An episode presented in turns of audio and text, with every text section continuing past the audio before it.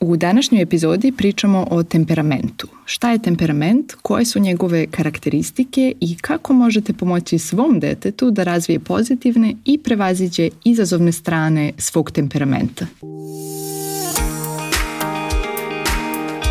Dobrodošli u Radosno roditeljstvo. Ja sam Ana, a ovo je podcast u kome pričamo o svim temama vezanim za roditeljstvo i koji vam nudi ideje i inspiraciju kako biste pronašli još više radosti u roditeljstvu i uživali u svojoj deci. Mišljenja koje iznosim u podcastu baziraju se na naučnim istraživanjima iz oblasti psihologije i dečijeg razvoja, a pre svega na primerima iz stvarnog života i mom ličnom iskustvu sa mojom decom. Hvala što ste tu.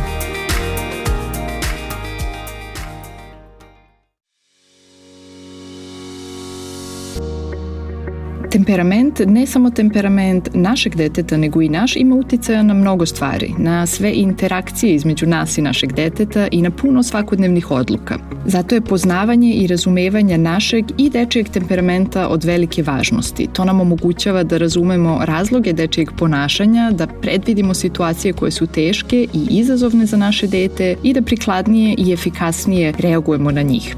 Šta je zapravo temperament? To je jedinstveni urođeni deo naše ličnosti koji ostaje relativno nepromenljiv u toku života. Dakle, naš zadatak nije da promenimo detetov temperament, jer je to nemoguće, nego da ga prihvatimo, da mu prilagodimo svoje ponašanje i da pomognemo detetu kroz podučavanje i kroz našu podršku da razvije pozitivne strane svog temperamenta i da nauči nove veštine koje će mu pomoći u situacijama koje su za njega teške. U nastavku epizode ćemo pričati o devet karakteristika temperamenta. Svaku od ovih karakteristika možete razumeti kao spektar sa dva ekstrema i sa puno nijansi između. Na primer, prilagodljivost. Na jednom kraju spektra su deca koje se brzo i lako prilagođavaju na nove ljude i situacije, a na drugom kraju su deca koju i najmanja promena uznemiri, a neka deca se nalaze između ta dva ekstrema. Pri tome je važno da znamo da ni jedan kraj spektra, ni jedna osobina, ni jedan temperament nije dobar ili loš. Svaki ima svoje pozitivne strane i svoje izazove. Dok slušate, razmislite gde se vaše dete nalazi na skali za određenu karakteristiku, da li je sa ekstremnije strane ili negde između. I isto tako razmislite gde se vi nalazite. Možda možete i pritisnuti pauzu i to negde zapisati, napravite skalu od 1 do 10 i upišite gde se i vi i vaše dete nalazite za pojedine karakteristike.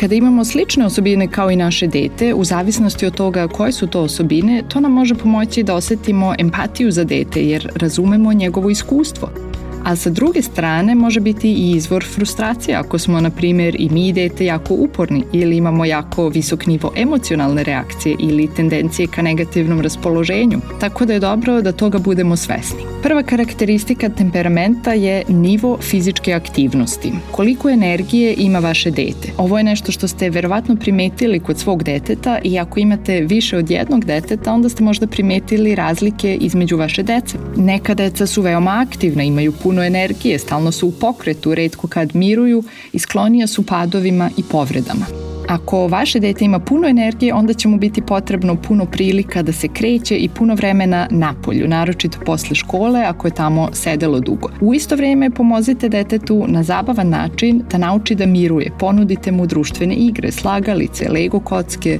i slično. Sa druge strane spektra su deca koja su mirna, sporija i imaju manje potrebe za kretanjem, više vole mirne aktivnosti. Ako imate dete koje je na ovom kraju spektra, koje ima manje energije i manju potrebu za kretanjem, onda ćemo takođe na pozitivan i zabavan način stvoriti prilike da se dete kreće, da je na polju i da mu neka vrsta kretanja pređe u naviku, jer bi u protivnom verovatno moglo da provede ceo dan ne krećući se puno. Možda će to biti neka organizovana sportska aktivnost, porodični izleti, šetnje, vožnja bicikla. Pri tome ćemo imati u vidu da će se dete možda brže umoriti, da će mu trebati više pauza i slično. Druga karakteristika je senzorna, odnosno čulna osetljivost. Kako i koliko vaše dete reaguje na stimuluse iz okoline? Koliko je vaše dete osetljivo na svetlo, zvuk, mirise, dodire, ukuse? Da li mu smeta buka, nešto na odeći, mirisi? Deci koje su jako osetljiva, to može veoma da smeta. Razmislite šta je previše za vaše dete i probajte da sredinu prilagodite tome. Koristite neutralnije boje, laganu muziku, blago svetlo. Bilo bi poželjno da postoji jedan miran kutak u stanu u koji dete može da se povuče. Takođe, ograničite korišćenje ekrana na oko 30 minuta na dan i ne posle večere da dete ne bude prestimulisano. Sa druge strane, deci koje su manje osetljiva će biti potrebno više stimulacije iz spoljne sredine kako bi odgovorila na njih. Puno dnevnog svetla, na primjer, glasnija muzika, šarene igračke, muzički instrumenti, različiti materijali za kreativan rad, tako da je to nešto što bi trebalo da im ponudimo. Treća karakteristika je prilagodljivost. Koliko brzo i lako se vaše dete prilagodi na novu situaciju. Nekoj deci promene i nove situacije padaju lakše, brže se snađu i nije im potrebno puno naše podrške. Vole da istražuju nova mesta, da upoznaju nove ljude, može im dosaditi jednolična dnevna rutina, vole nova iskustva, nemaju veliki strah od odvajanja i ne smeta im ako dođe do neke manje promene plana. Ovakvoj deci će prijati izleti, posete muzejima, prilike da isprobaju i nauče nešto novo. Menjate im igračke, ponudite nove kreativne materijale i dozvolite da izaberu i povremeno promene kućne posliće koje imaju. Deca koja su manje prilagodljiva više vole poznatu sredinu, verovatno su stidljiva u novoj situaciji, vole da stvari ostanu onakve kakve jesu i potrebno im je više vremena da se priviknu na promene. Ovakvom detetu će pomoći da mu pomognemo da se sprijatelji sa drugom decom, da ga pažljivo i unapred pripremimo na predstojeće promene, da imamo mirni dnevni ritam, predvidive rutine, da ne sprovodimo više promena u isto vreme i da ga ohrabrimo da isproba nove aktivnosti. Sledeća karakteristika je intenzitet emocionalne reakcije. Koliko intenzivno vaše dete reaguje na svet oko sebe? Da li reaguje glasno, burno, snažno? Da li glasno priča, smeje se, plače, viče? Deca koji imaju visok nivo emocionalne reakcije često snažno reaguju i na takozvane sitnice, na bilo kakve neugodnosti i teže im pada da čekaju i dođu na red. Ovakvoj deci će verovatno biti potrebno više podrške da regulišu emocije i da nauče da osjećanja izražavaju adekvatnije. Puno razgovora, knjiga, vežbanja na koje načine da izrazimo osjećanja. I verovatno će voleti aktivnosti koje im omogućavaju da se izraze dramske grupe, muzički instrumenti i slično. Imati Imati dete koje intenzivno reaguje na svet oko sebe, naročito ako je uz to i veoma osetljivo i teže se prilagođava, može biti izazovno za roditelje, jer znači da je sve glasnije i intenzivnije i u isto vreme je ovo nešto što može biti veoma pozitivno i uzbudljivo. Ovo je dete koje se smeje od sveg srca, koje se jako raduje, koje pokazuje kada u nečemu uživa. Dete manjeg intenziteta je smirenije, deluje stabilnije i daće nam do znanja da mu nije ugodno na diskretniji način. Ovo može da bude dete kome je teško da se izbori za sebe u socijalnim situacijama. Kod ovakvog deteta je važno da se potrudimo da dobija isto puno pažnje kao i intenzivnije dete, da su sve detetove potrebe zadovoljene, da stvorimo prilike za druženja sa decom koja su takođe manje ekspresivna, da pažljivo slušamo i obratimo pažnju na detetova osjećanja i da pomognemo detetu da nauči glasno i jasno da kaže svoje mišljenje. Peta karakteristika je ritmičnost. Koliko su biološke funkcije vašeg deteta, kao spavanje ili jelo, predvidive. Dete koje je veoma ritmično će postati nervozno ako ne spava ili ne jede u isto vreme. Često će imati omiljene igračke, pribor za jelo i slično i voleće predvidive rutine. Tako da je važno da to obezbedimo, da dete ima svoj ritam, da porodični obroci i uspavljivanje uvek isto izgledaju i budu u isto vreme, da planiramo aktivnosti i druženja tako da ne poredimo poremetimo detetov ritam. Kod dece koja nisu jako ritmična, potrebe u vezi sa jelom i spavanjem nisu uvek iste i verovatno neće primetiti manje promene dnevnog rasporeda i rutine. Ovoj deci rutine teže padaju i tu se naša uloga ogleda u tome da ostavimo slobodnog prostora i budemo fleksibilni u vezi sa nekim stvarima i aktivnostima i u isto vrijeme im pomognemo da imaju dnevnu strukturu i ritam, naročito u vezi sa spavanjem i jelom. Šesta karakteristika je prva reakcija. Kako vaše dete reaguje na nove situacije situacije, mesta, ljude, ideje. Ova osobina je usko povezana sa prilagodljivošću i odnosi se na to koliko se lako deca prilagođavaju promenama. Ako dete sporije prilazi novim situacijama, često se takođe i sporije prilagođava. Neka deca su jako otvorena, radoznala, privlače ih nova iskustva, lako uspostavljaju nova prijateljstva, odmah počnu da učestvuju u ponuđenim aktivnostima, mogu biti impulsivna i izložiti se riziku. Slično kao i kod prilagodljivosti, ovakvoj deci je poželjno ponuditi različite iskustva i mogućnosti da nauče nove stvari i istražuju. Sa druge strane, neka deca su opreznija, vole prvo da posmatraju, na igralištu će možda sve vreme sedeti na klupi i gledati šta rade druga deca. Treba im duže vremena da počnu da učestvuju u grupnim aktivnostima, da sklope prijateljstva. Ako smo sa njima na nekom nepoznatom mestu, verovatno će se držati za našu nogu ili će sedeti kod nas u krilu, neće sami istraživati okolinu. Važno je da ovakvoj deci omogućimo duži period prilagođavanja, da ih pripremimo na situaciju, da pričamo o tome šta će se desiti, šta mogu da očekuju, kako da se ponašaju, da ih ne teramo da učestvuju pre nego što su spremni, nego da im pomognemo da savladaju sledeći korak koji je moguć za njih. Ako smo, na primer, u školi plivanja, verovatno ćemo prvo samo sedeti sa detetom na ivici bazena. Kada to postane lako za naše dete, razmislit ćemo šta je sledeći korak. Možda ćemo onda ući u vodu i samo gledati šta rade druga deca. Kada dete signalizira da se osjeća ugodno, opet ćemo razmisliti koji je sledeći mali korak i tako dalje. Ovo su deca koji će biti potrebno puno malih koraka kada uče nešto novo.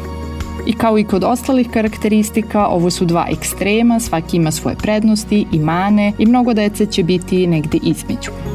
Sledeća karakteristika je upornost. Upornost se odnosi na tendencije deteta da ostane uz zadatak dok ga ne završi. Ovo je divna osobina, kada su deca uporna i istrajna, to ima puno prednosti i u isto vreme može biti veoma izazovno za roditelje. Ovo su deca za koju često kažemo da su tvrdoglava, mada bi bilo bolje reći uporna ili istrajna. Nisu fleksibilna, Kada imaju neku ideju ili želju, gnjaviće nas, stalno će pitati u vezi sa tim, insistiraće na nečemu, ulaziće u borbe moći. Kada rade na nečemu, bit će im teško da to prekinu ako nisu završili, bit će im teško da sačekaju. Ako je ova osobina u kombinaciji sa intenzivnim emocionalnim reakcijama ili sa niskom prilagodljivošću, onda se možda često dešava da je vaše dete uporno, da ne sarađuje, da ne želi da odustane od nečega.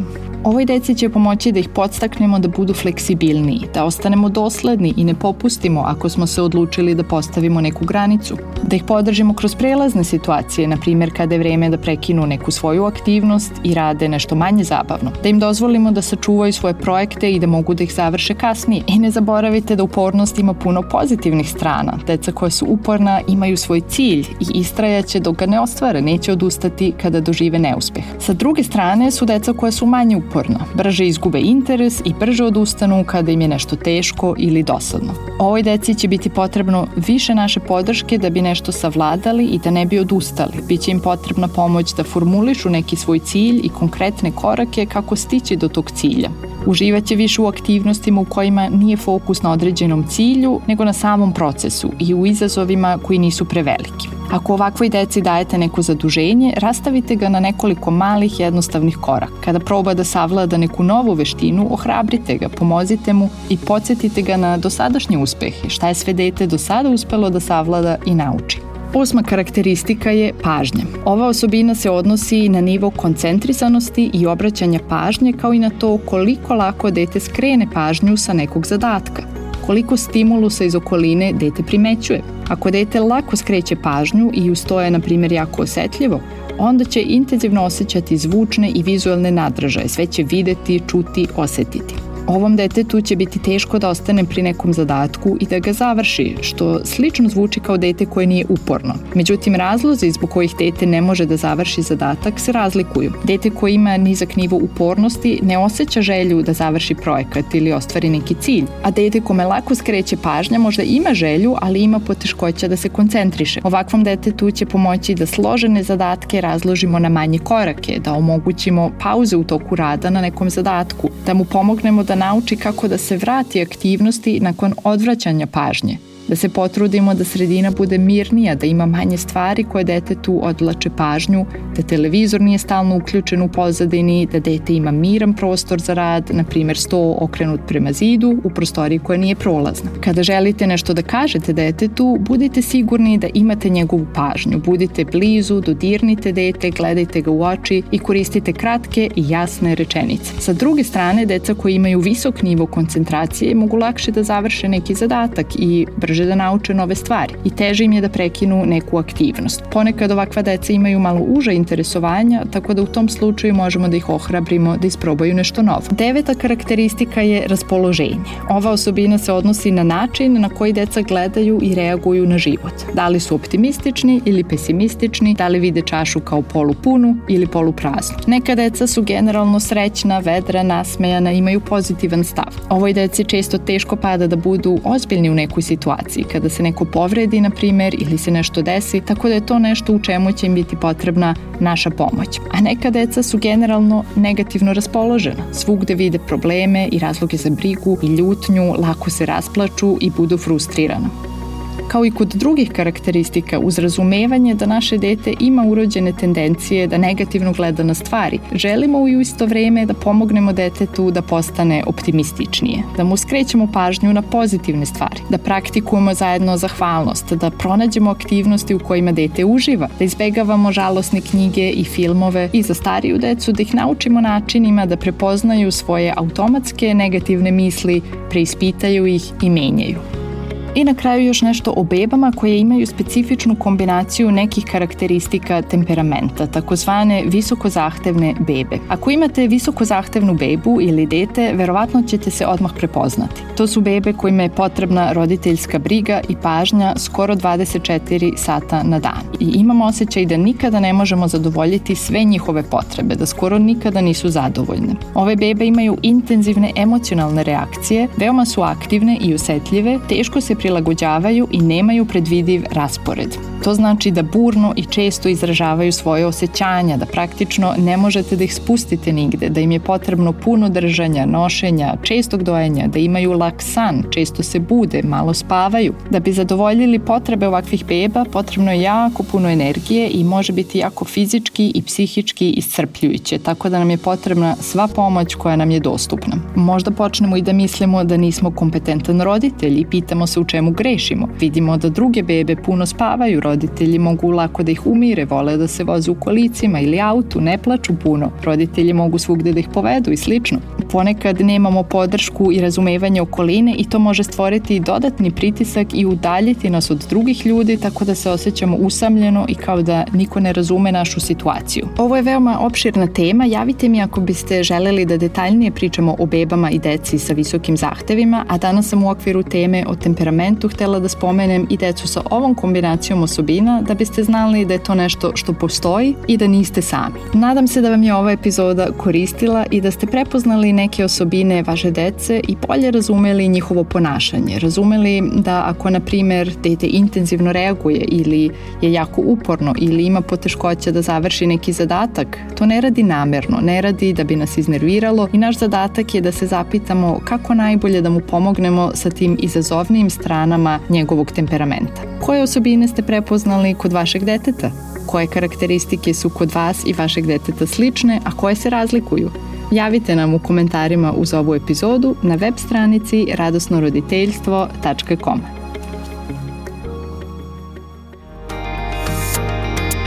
Hvala što ste slušali Radosno roditeljstvo. Ako imate neko pitanje, predlog ili samo želite da mi se javite, pošaljite mi e-mail na adresu podcast.radosnoroditeljstvo.com ili popunite kontakt formular na web stranici radosnoroditeljstvo.com. Čujemo se za dve nedelje.